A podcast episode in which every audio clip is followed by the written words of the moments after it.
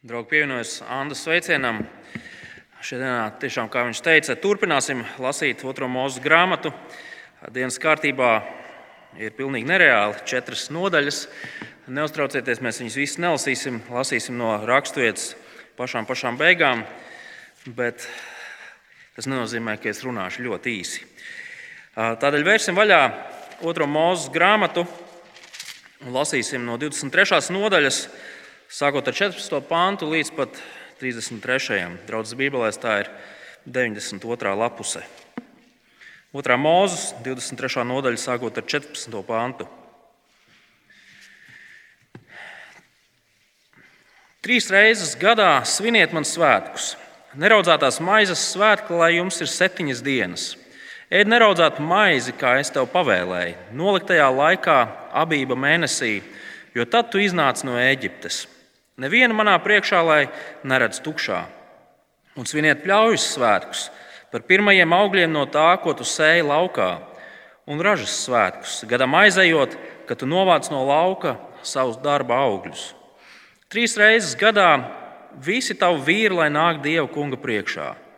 Neupurē mana upura asins ar raudzētu, un lai nepaliek manu svētku traknums līdz rītam, Pirmos no tavas zemes pirmajiem augļiem pienes kunga, tavu dieva namam, nevāri kazlēnu viņa mātes pienā. Redzi, es sūtu eņģeli tev pa priekšu, lai tas tevi sargā ceļā un aizved tevi uz vietu, ko es esmu sagatavojis. Pakļaujies un klausi viņam, nedumpo pret viņu, jo jūsu pārkāpumus viņš nepiedos. Mans vārds ir pie viņa. Ja tu viņu klausīt, klausīsi un darīsi visu, ko es saku, tad es būšu ienaidnieks taviem ienaidniekiem un pretinieks taviem pretiniekiem.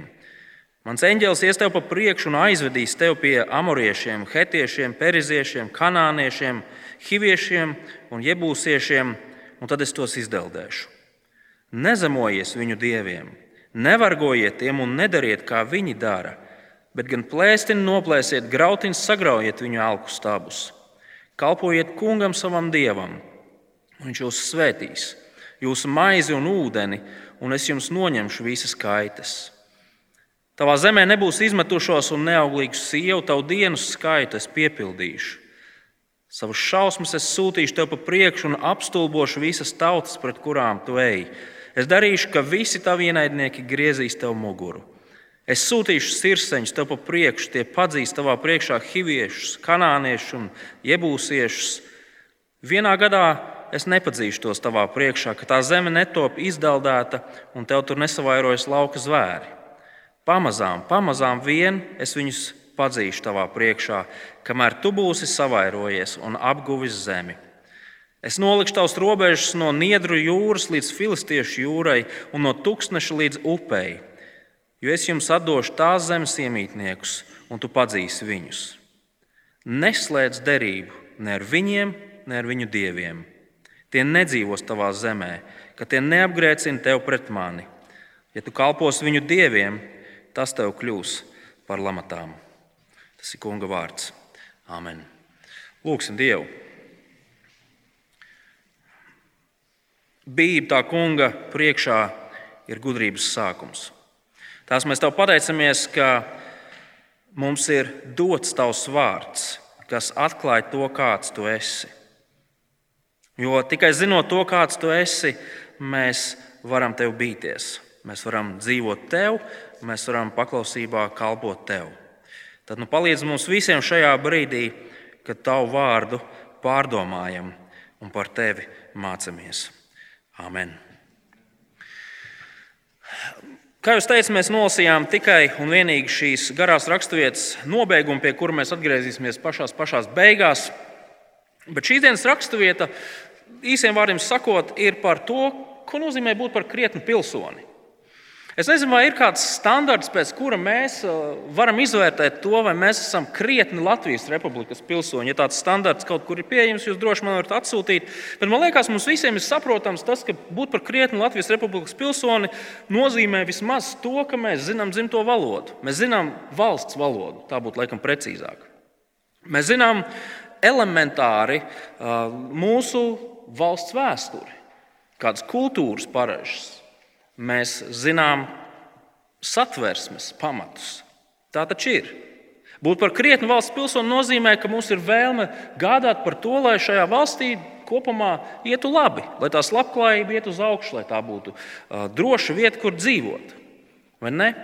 Mums katram ir savas tiesības, savu pienākumu, pie kuriem mēs cenšamies turēt. Tas ir tas, ko nozīmē būt par krietnu Latvijas Republikas pilsoni. Bet šīs dienas raksturvieta runā par to, kā būt par krietnu dieva valsts pilsoni. Te gan uzreiz ir neliela piezīme vietā. Šie, šīs nodaļas, kuras ir mūsu priekšā šodien, Dievs tās savai tautai dod, kamēr viņi vēl ir tuksnesī. Līdz ieiešanai valstī, jeb teritorijā, kurā viņiem izdosies nodibināt šā, savu valsti, ir vēl kāds ceļš ejams un vairāki gadu desmiti. Taču jau tagad Dievs viņiem dod likumu par to, kā dzīvot. Valstī, kurā Dievs viņus ievedīs. Tā teikt, zēni un meitenes, sāciet jau tagad trenēties, kamēr esat nonākuši pie gala mērķa. Un tā arī ir. Nodaļas, kuras mēs nenolasījām, no 20. nodaļas beigām līdz pat 23. nodaļas vidum, mēs redzam likums pēc likuma. Dažni dažādi likumi, ko Dievs dod savai tautai. Un, ja mēs tā rūpīgi lasītu tos likumus, mēs redzētu, nu, tā no pirmā acu uzmetiena, vismaz, ka tie ir visnotaļ haotiski likumi par visu kaut ko. Un, un tāpat starp šiem likumiem mēs redzētu to, ka tur ir tādi likumi, kas mums mūsdienās ir nesaistoši. Kaut kāds vērsis kaut ko sabada, kaut kāds ēzelis iekrīt akā. Mēs dzīvojam citā laikā. Šie likumi nav mums saistoši. Un tāpat tur būs viens otrs likums, kas mums liekas pavisam jocīgs. Arī šeit mēs, mēs lasījām, nevāra kazlēnu viņa mātes pienā, lai ko tas arī nenozīmētu. Un tā mēs, kristieši, no vienas puses saprotam, ka nu, pret Dievu vārdu ir jāizturās ar bību, pareizi.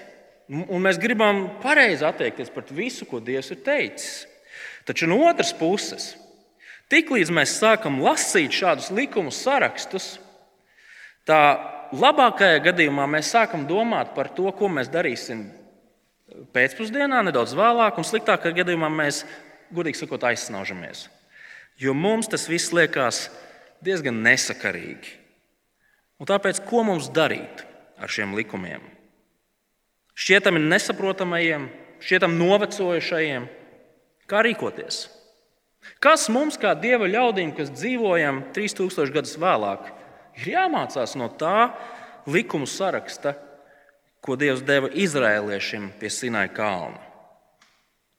Un tad, kad mēs pieejam šā, šīm nodaļām, mums jāpaturprātā tas, ka pirmkārt šīs nodaļas ir tieši tā, dotas vecās derības Izraēla tautai pie Sinai kalna pirms 3000 gadiem. Viņi dzīvoja unikālā laikā, viņi dzīvoja unikālā vietā, un pats Dievs bija valdnieks pār savu tautu. Tādējādi, protams, ka šajā likumā būs lietas, kuras būtu pavisam muļķīgi pārnest tā viens pret vienu uz mūsdienām un teikt, ka mums arī jādzīvo tieši tāpat, kā tas likums teikts.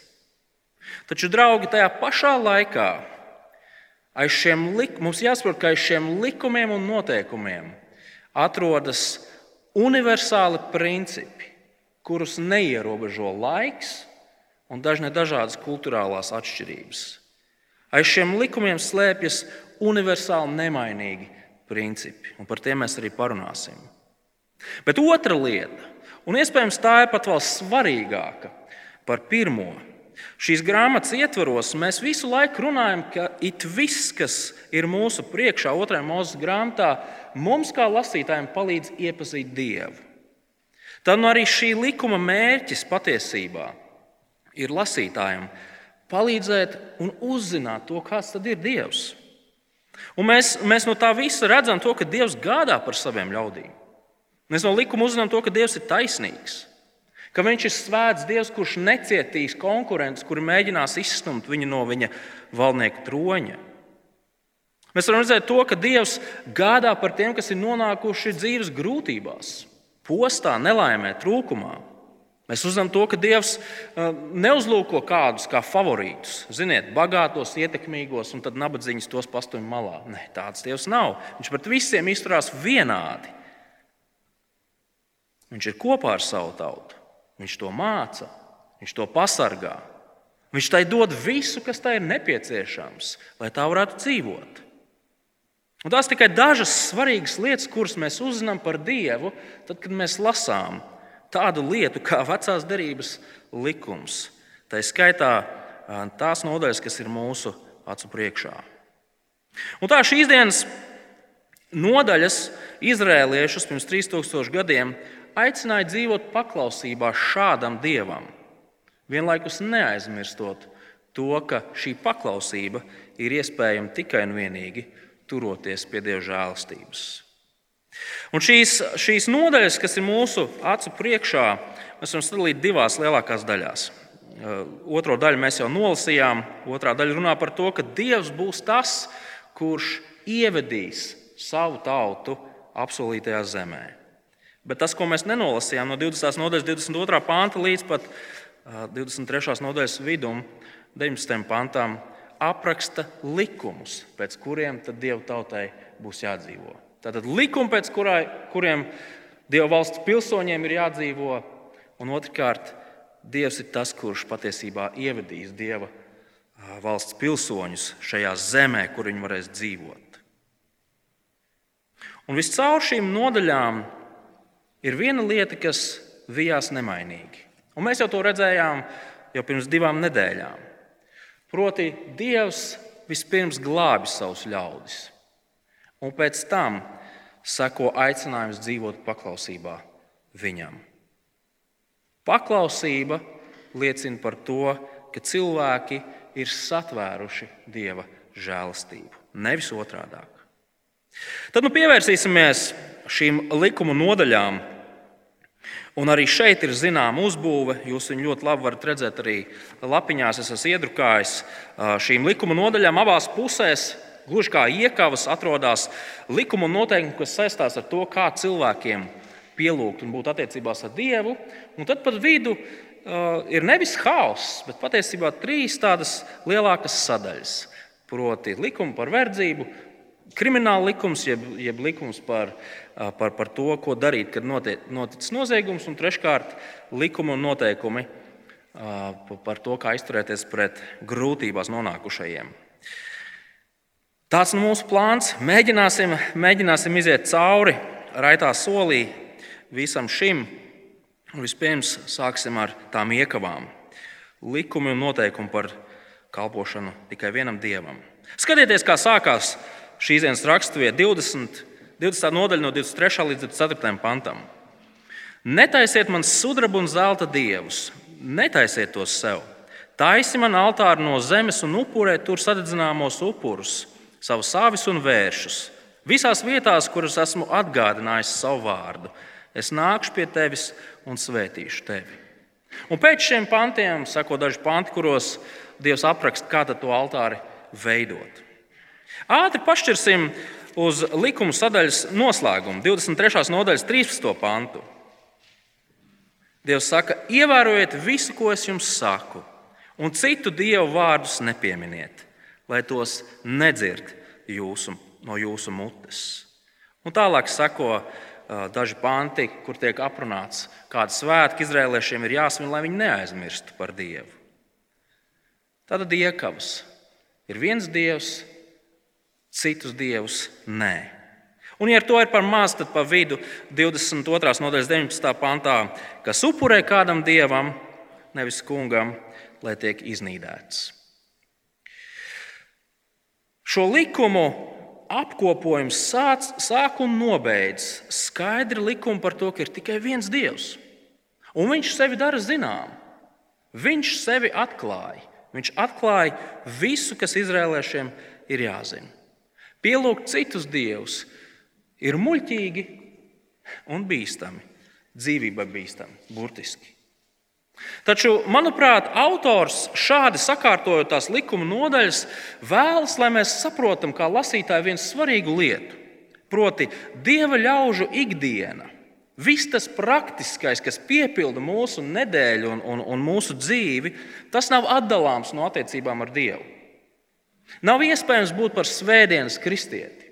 Nav iespējams tas, ka mēs noteiktās dienās tiekamies ar kristiešiem, un tad mēs tādi smaidīgi, un laipni un pieklājīgi, un citos brīžos mēs dzīvojam tā, it kā Dievs nebūtu svarīgs.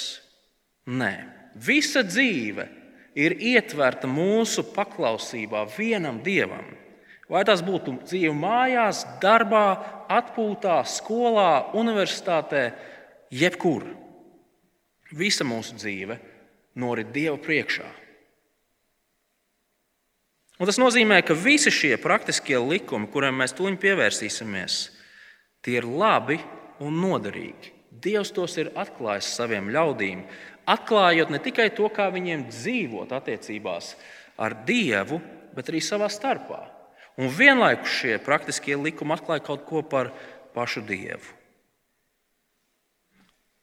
Aplūkosim šīs trīs lielās kategorijas, kas attiecās uz cilvēku savstarpējām attiecībām. Un pirmā lielā kategorija ir verdzība. No 20. Nodaļas, 21. nodaļa, no 1. līdz 11. pantam. Un ļoti iespējams šī lielā kategorija par verdzību ir ļoti likumsakarīga. Kāpēc? Kur Izrēlieši atradās dažus mēnešus iepriekš. Viņi atradās verdzībā, Eģiptē, kur viņi vargoja vairākus gadsimtus. Verdzība tajā laikā bija normāla parādība. Ja tu esi iekarots, tad tu nonāc par vergu, un tas nebija nekas labs un priecīgs. Un tādēļ, tagad, kad dieva ļaudis dodas pretī dzīvei savā dieva valstībā, Viņiem ir jāzina šis tas par verdzību. Un mums, protams, kā lasītājiem, uzreiz ir ragi gaisā, un mums gribās kliegt, verdzība. Tiešām, kāpēc vispār tas ir vajadzīgs? Kāpēc Dievs vispār par to runā?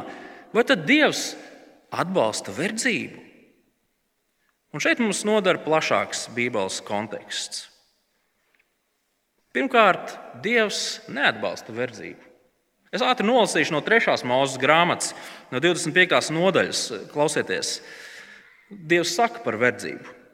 Ja tavs tuvākais izput un tiek tev pārdots, nepaverdzini viņu ar verga darbu, lai viņš dzīvo pie tevis kā algādis vai tāds, kas mīt pie tevis, lai viņš tev kalpo līdz jubilejas gadam. Pēc tam viņš drīkst doties no tevis prom, lai atgriežas kopā ar saviem bērniem pie savas dzimtas un savā īpašumā, jo tie ir mani kalpi, ko es izvedu no Eģiptes zemes, lai tos nepārdod tālāk, kā vergus mēdz pārdot. Šīs norādes ļoti skaidri parāda to, ka pirmkārt, kad mēs runājam par verdzību Izraēla tautā, mums ir jāsaprot, ka tas nav tas, ko mēs redzam filmās vai Amerikas vēsture. Vai ne? melnie salādēti kuģi no Āfrikas aizvesti kaut kur uz, uz, uz Jamaiku vai kur strādāt cukurniedru plantācijās. Tas nav tas, par ko šeit ir runa. Dievs, Dievs šos cilvēkus sauc par algāģiem. Cilvēki, kas strādā, lai nopelnītu sev iztiku, pajumti un pārtiku. Un mēs varam saprast, kāpēc cilvēks varētu nonākt šādā stāvoklī. Dažādi var būt iemesli slikts ražas gads, slimības, kari. Vēl kaut kas, kas tajā laikā varēja tev laupīt iespēju būt neatkarīgam un parūpēties pašam par sevi. Tad nu šī verdzība, liksim to pēdiņās, ir iespēja tev nenomirt badā, bet nonākt vietā, kur tu vari dzīvot, kur tu vari gulēt, kur tu vari paēst. Turklāt, vai jūs dzirdējāt, jubilejas gadā Šie cilvēki ir jālaiž brīvībā. Jubilejas gads bija reizi septiņos gados. Tātad verdzība ir kaut kas pilnīgi citādāks un atšķirīgs no tā, kā mēs reizēm par to domājam. Taču otrkārt, Dievs zina to, ka cilvēka sirds ir ļauna. Un, un spilgts piemērs tam ir kaut vai tas, ka Bauslībā ir atrunāts ļoti radikālos brīžos atļaut šķirties. Dievs nav iecerējis šķiršanos. Tā nav daļa no viņa, no viņa sākotnējā plāna. Bet Jēzus atbildot farizējiem, teica, jūsu ļaunās sirds dēļ. Šāda norma ir atrunāta. Tā teikt, ja ir jāizvēlās starp diviem ļaunumiem, reizēm ir jāizvēlās mazākais ļaunums. Un tieši tāpat mēs esam aicināti raudzīties arī uz verdzību. Dievs to neatbalsta. Taču viņš apzinās un ļoti skaidri zina to, ka dzīve eh, šajā pasaulē nav pastaiga pa parku skaistā māja dienā. Nē, mēs dzīvojam kritušā pasaulē, un mūsu sirdis ir ļaunas un, un kritušas. Un tieši tāpēc Dievs dod likumus, kas paredz verga, jeb algāģa labklājību un arī brīvību. Neviens pret savu gribu nevar palikt par vergu uz visu mūžu. Vai, piemēram, 21. nodaļas 2. pantā, šis status ir uz ierobežotu brīdi. Un tad, kad pienāk šī statusa beigas, tev nav jāizpērk savu brīvību, tu vienkārši ej. Vai trešais pants, tu vari doties brīvībā ar savu sievu, ja tu savas algāģa um, termiņa laikā esi apņēmis sievu. Vai tu esi atnācis ar savu sievu? Astotais pāns. Ebreju vargus nedrīkst tirgot tālāk, kur nu vēl kaut kādiem sveštautiešiem. Devītais pāns. Verdzene, algādze, ja ir tāds vārds latviešu valodā, var iegūt pilntiesīgas meitas statusu, ja viņā nu, tā gadās iemīlās saimnieka dēls. Nedaudz tālāk, 21. nodaļas 20. pantā, ja vergs tiek nogalināts, um, vai, vai jā, nogalināts, tad saimniekam ir jāstājas taisnīgs tiesas priekšā. 28. un 27. pāns, ja vergs tiek savainots vai piekauts, viņš bez maksas var doties brīvībā, un saimniekam, kurš to ir izdarījis vai pieļāvis, ir jāatlīdzina. Mēs savalkam to visu kopā, un mēs redzam to, ka tā ir neslikta sistēma, kā rūpēties par cilvēkiem, kas visticamāk citādi būtu aizgājuši bojā. Ko tas māca par Dievu? Ejam uz priekšu pie nākamās lielās sadaļas, kas ir no 21. nodaļas 12. panta līdz pat 22. nodaļas 20. pantam. Un šajos pantos nu, ir aprakstīti dažni dažādi likumi, kas tajā laikā varēja notikt. Ko darīt tīšas, ko darīt netīšas slepkavības gadījumā, ko darīt, ja sanāk kādu savainot, Ko darīt tad, ja tavs uh, vērsīts, kuram vārds ir gauja, sabada kādu? Ko darīt, ja tas ir apzināti vai neapzināti? Ko, ko darīt, ja tev uzticēts īpašums un viņu nozog? Un daudzi, daudzi tam līdzīgi likumi. Izlasīsim dažus piemērus, lai, lai mums rastos priekšstats. 21. nodaļa, 12. un 13. pants. Kas ir cilvēku, ka tas beigts, lai mirtin mirst, Bet kas to bez nolūka darīs, Dievs viņa roku tā nolicis. Es tev norādīšu vietu, kur tas var beigt. 18. un 19. pants. Kad vīrs strīdas un kāds sit savu tuvāko ar akmeni vai ar dūri, un tas nenomirst, tik paliek uz gultas, tad, ja tas ceļas un staigā pa ielu ar spieķi bez vainas, tas ir, kas viņu sitis. Tikai lai viņš atlīdzina tam slimības laiku un, un dziedēšanu. 28. un 29. pāns. Ja vērsis sabada vīru vai sievu līdz nāvei, tad to vērs, lai nomētā akmeņiem un tā gaļu, lai nēd. Bet vēršas saimnieks ir bez vainas. Ja vērsis iepriekš ir badījis un saimnieks ir bijis brīdināts, bet nav ņēmis to vērā, tas, un tas nogalē vīru vai sievu, tad vērsis, lai tiek nomētāts ar akmeņiem, un arī tās saimnieks, lai nemirst. Vai piemēram 22, 4. Ja kāds ir ļāvis nomīdīt lauku vai vīna dārzu, vai palaidis savus lopus un nogalinājis cita, eh, eh, noganījis cita lauku, tad tam par samaksu jādod labākais no sava lauka un vīna dārza. Un vēl vienu, 6. 7. pāns, 22. nodaļa. Ja kāds dod savam tuvākajam glabāt naudu vai lietas, bet tas no tā nama tiek nozagtas, tad, ja zaglis tiek atrasts, lai maksā divtik, Ja zāglis netiek atrasts, lai mājas saimnieks tuvojas dievam, ka nav stiepis roku pēc savu tuvākā mantas. Un tā tālāk, un tā joprojām, un tā joprojām. Lai gan mēs droši varētu teikt, ka tā, tie badīgie vērši un ēzeļi tas neatiecas uz mums, Tāpat laikā, ja mēs tā mirkli pasēžam pie šiem likumiem, mēs ļoti labi redzam tos universālos principus pareizi. Pirmkārt, par noziegumu ir sots. Un šim sodam ir jābūt proporcionālam ar pastrādāto noziegumu. Sodam ir jābūt taisnīgam. Tāpat tās ir jāšķir starp tīši vai netīši pastrādāt noziegumu. Visi zaudējumi ir godīgi jāatlīdzina.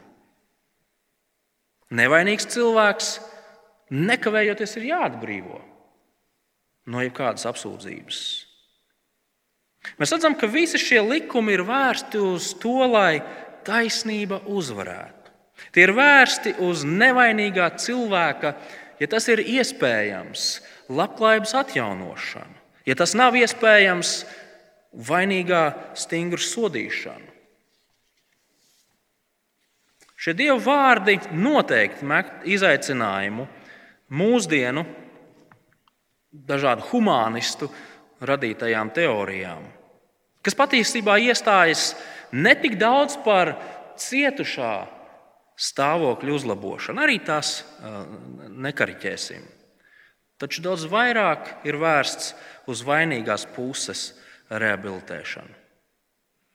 Es atvainojos, ja tas neliekas saistoši, bet, manuprāt, ir, ir ārkārtīgi bezdievīgi cilvēkam, kurš ir nogalinājis 69 citus cilvēkus, piešķirt maksimālo sodu 21 gadu cietumā, ērtā cietuma kamerā, kā tas ir Norvēģijā, mums visiem zināmam slepkavam.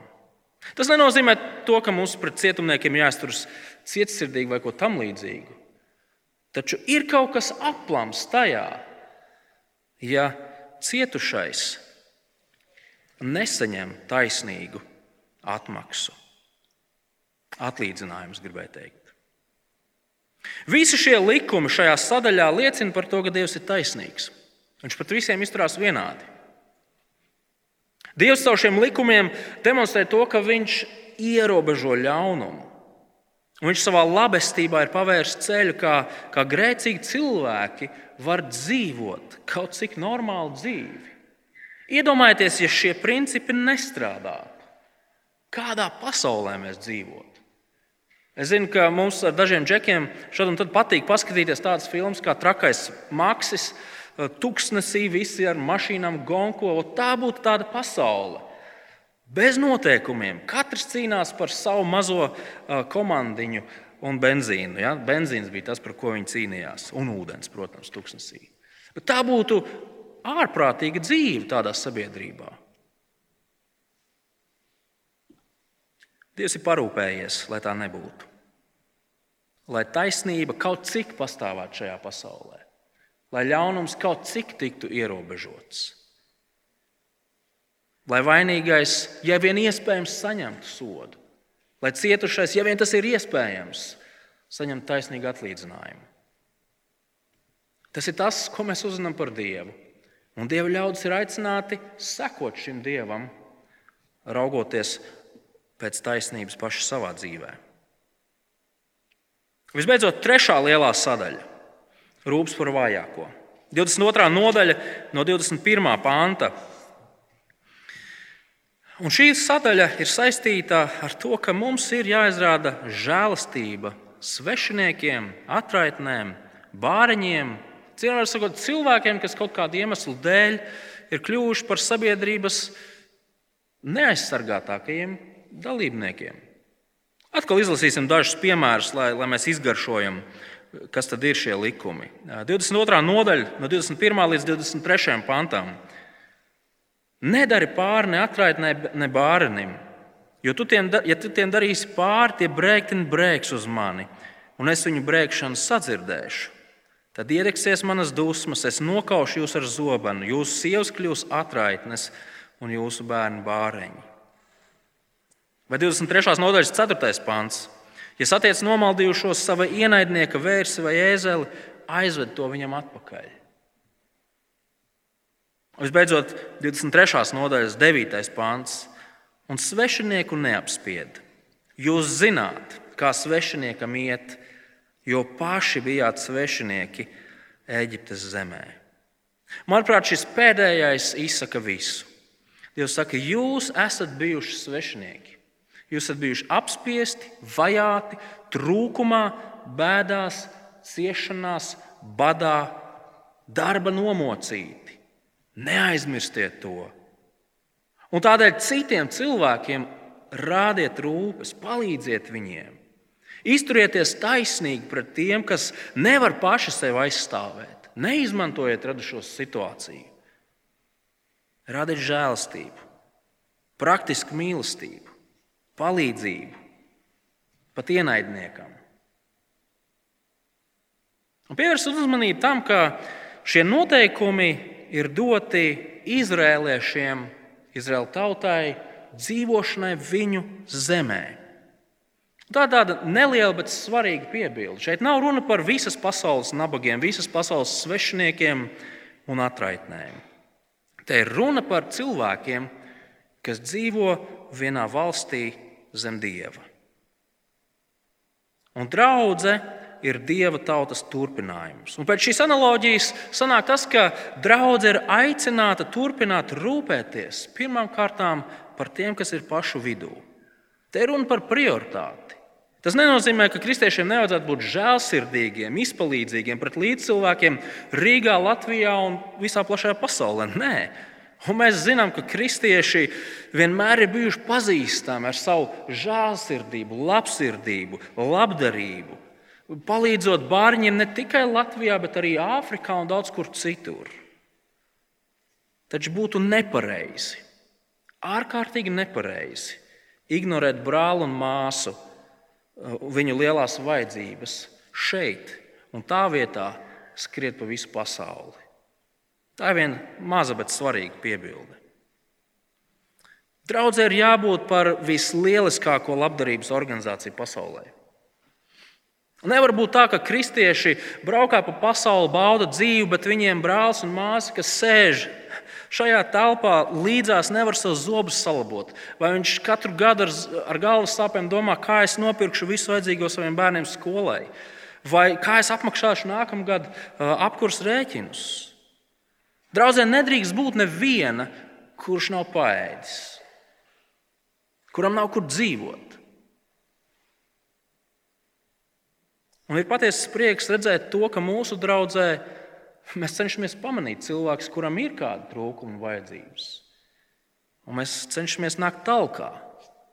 Covid laika ierobežojumu un, un, un, un, un ienākumu zaudēšana vienam otram bija lielisks pārbaudas laiks mums visiem, kā draudzē. Ko mēs darīsim?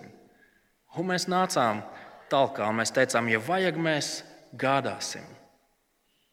Un tas izaicinājums mums ir turpināt nezaudēt to modrību vienmēr gādājot vienam par otru, rūpējoties par tiem mūsu vidū, kuriem ir reāls vajadzības.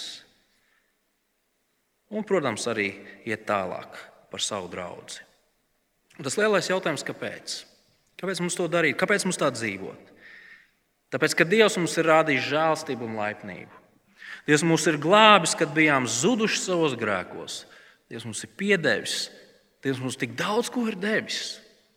Neaizmirsīsim to.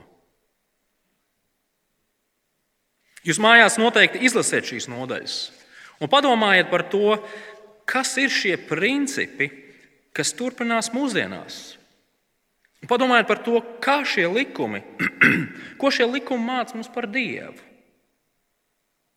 Bet kaut kādā ziņā mēs varētu teikt, ka visi šie dažādie likumi ir tikai un vienīgi daudzi dažādi piemēri tam, ko nozīmē reāli kritušā pasaulē dzīvot saskaņā ar Dieva desmit baušļiem. Vai, ja gribat vēl īsāk, šie likumi ir dažni dažādi piemēri tam, ko šajā kritušajā pasaulē nozīmē mīlēt Dievu un mīlēt savu tuvāko. Jā, daudzi no šiem likumiem mūsdienās vairs nav aktuāli, tie, tie ir zaudējuši savu saistošo dabu, Taču aiz tiem esošie principi joprojām ir saistoši. Uz brīdi atvērsim Mateja evaņģēliju. Mateja evaņģēlijas piekta nodaļa un izlasīsim dažus pantus. 5. nodaļa no 17. līdz 19. pantam. Draudzes Bībelēs 959. lapuse. Tie daži panti no slavenā kalna sprediķa, ko Jēzus mācīja saviem mācekļiem. Matei 5, no 17 līdz 19. Nedomājiet, ka es esmu nācis atmest bauslību vai praviešus. Es neesmu nācis tos atmest, bet piepildīt. Jo patiesi es jums saku, iekams debesis un zemes zudīs, pat vismazākais burts vai rakstzīme no bauslības nezudīs, līdz tas viss notiks. Kas atmetīs kaut vienu no šiem vismazākajiem baušļiem un tā mācīs cilvēkus, tas tiks saukts par vismazāko debesu valstībā. Bet kas tos pildīs un mācīs, tas tiks saukts par varandievu valstībā. Draugi, es apzinos, ka es esmu iebriedis kārtējā dziļajā raksturvietā, pie kuras mēs varētu pavadīt vēl vismaz stundu. Bet es gribu, lai mēs ieraugam divas svarīgas lietas. Pirmkārt, šajos pantos Kristus saka, es esmu piepildījis bauslību. Kristus ir piepildījis dieva likumu. Viņš ir turējis baušas nevainojami. Neviens cits cilvēks to nevar darīt un nekad nevarēs darīt. Un caur Kristu Līdz ar to mēs esam taisni. Nepilnīgi ļaudis, kas nav spējīgi pildīt to, ko Dievs prasa. Caur Kristu mēs esam Dieva taisnoti. Bet otrkārt, likums un paklausība attiecās arī uz cilvēkiem, kas dzīvo pēc Kristus. Taču mums uz Dieva vārdā esošo likumu ir jāraugās caur jaunās derības filtru. Ko tas nozīmē? Tas nozīmē to, ka ir lietas, piemēram, upuri, templis, dažne dažādas ceremonijas un izdarības, lietas, kas saistās ar vecās derības Izraēla dzīvi apsolītā zemē. Tas mums vairs nav saistoši. Taču desmit baušļos ietvertais morāls likums mīlēt Dievu un mīlēt savu tuvāko, kas var izpausties daudzos un dažādos veidos. Tas mums visiem ir saistošs. Mēs visi esam aicināti to pildīt. Esam aicināti beig beigās griezties pie Dieva, lai Viņš palīdz mums to pildīt. Un tā ir pēdējā lieta, ko dažās minūtēs es gribu, ka mēs ap, ap, aplūkojam. Proti, raksturvieta, ar kuru mēs sākām šodien, visa cita starpā, pasaka vienu ļoti svarīgu lietu. Tā pasaka to, ka Dievs ir tas, kurš patiesībā gādā par saviem ļaudīm. Bez dievu gādības dievu ļaudis nevar būt dievu ļaudis. Skatieties vēlreiz, mēs esam atpakaļ 2. mūža grāmatā, 23. nodaļas, 22. un 23. pāns. Dievs runā par, par, par ceļu uz apsolīto zemi. Ja tu viņu klausīsi, klausīsi un darīsi visu, ko es saku, tad es būšu ienaidnieks taviem ienaidniekiem un pretinieks taviem pretiniekiem. Mans eņģēlis ies tev pa priekšu un aizvedīs tevi pie amoriešiem, hetiešiem, kanāniešiem, hiviešiem, jebusiešiem, un tad es tos izdeldēšu. Turpiniet turēties pie manas bauslības, esiet man paklausīgi, esiet man uzticīgi, un jūs ieiesiet apsolītajā zemē. Es parūpēšos par to. Es visus jūsu ienaidniekus iznīcināšu, visus šķēršļus noņemšu. Bet tad ir viena interesanta lieta. Jo mēs redzam, to, ka šī apsolītā zeme nebūs gluži paradīze. Šajā apsolītajā zemē dievu ļaudis saskarsies ar cīņu. Paklausīt dievam vai nē, turēties pie viņa vārda vai nē. Skatieties, kādu brīdinājumu Dievs izsaka ļaudīm par to laiku, kad viņi būs iegājuši apsolītajā zemē. 24. pants. Nezemojieties viņu dieviem, nevargojiet tiem un nedariet, kā viņi dara. 32. pants. Neslēdziet derību ne ar viņiem, ne ar viņu dieviem. Tas ir ļoti interesanti. Lai arī apsolītā zemē, tomēr dzīvi raksturo reāla cīņa. Vienmēr jābūt modram par to, lai neveidotu attiecības ar apkārtējo tautu dieviem, vērtībām un visu pārējo, kas no tā iziet. Un tas, draugi, norāda uz to, ka, lai arī Izraēla tauta iegāja apsolītajā zemē, Un ar to paklausību viņiem gāja, kā gāja. Taču tā ir skaidra zīme tam, ka šī apsolītā zeme ir tikai viens pieturas punkts, nevis gala pietura. Un to ir ārkārtīgi svarīgi redzēt. Jo starp viņiem un mums ir zināmas līdzības, taču ir kaut kas atšķirīgs. Mēs esam līdzīgi senajam Izrēlam, jo arī mēs dodamies uz apsolīto zemi. Tas atšķirīgais ir tas, ka mēs dodamies uz patieso, mūžam nezūdošo debesu uh, valstību. Mūsu turienu vada nevis eņģelis, bet mūsu tur vada mūsu kungs un glābējs Jēzus Kristus. Un tad, kad mēs nonāksim gala mērķī, tur nebūs dieva konkurentu, tur nebūs alku stabu, tur nebūs visa tā, kas izrēliešiem bija. Mums nebūs problēmas ar paklausību. Mums nebūs problēmas ar turēšanos pie tā, ko Dievs ir teicis. Tā būs pilnīgi perfekta vieta, ideāla vieta, ideāls attiecības, ideāla dzīve, svētības, dzīvība un dzīvības pārpilnība. Taču līdzīgi kā izrēlieši, līdz šim galamērķim mēs esam Mēs esam aicināti turpināt būt lojāli un uzticīgi savam kungam. Un savu lojalitāti un uzticību savam kungam mēs demonstrējam kā pilnīgi pareizi. Kad mēs dzīvojam dzīvi paklausībā viņam. Mēs dzīvojam saskaņā ar mūsu glābēju dotajiem likumiem un norādījumiem. Kristus dēļ, draugi, mēs esam ieguvuši jaunu pilsonību.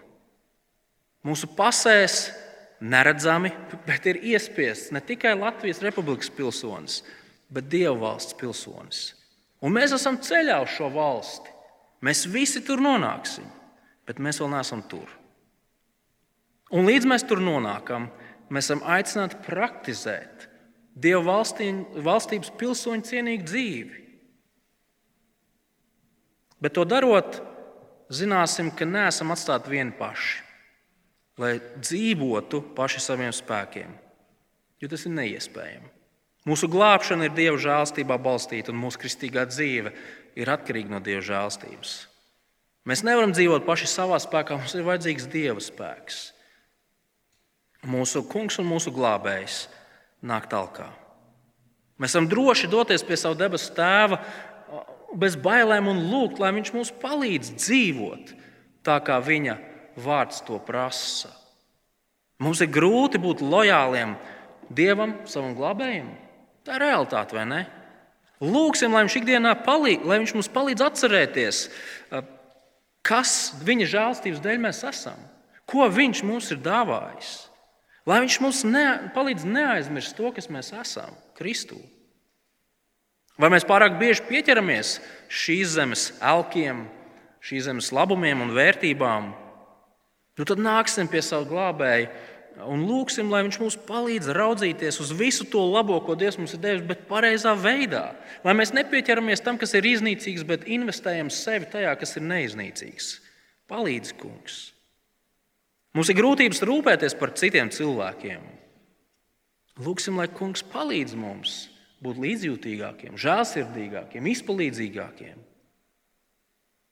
Mums ir grūti rādīt žēlastību, it īpaši cilvēkiem, kuri objektīvi vai pēc mūsu standarta nav žēlastību pelnījuši.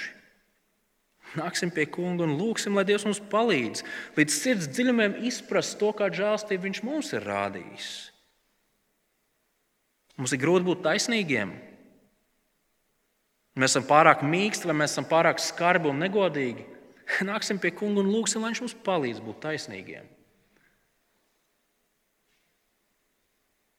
Mēs paši nevaram.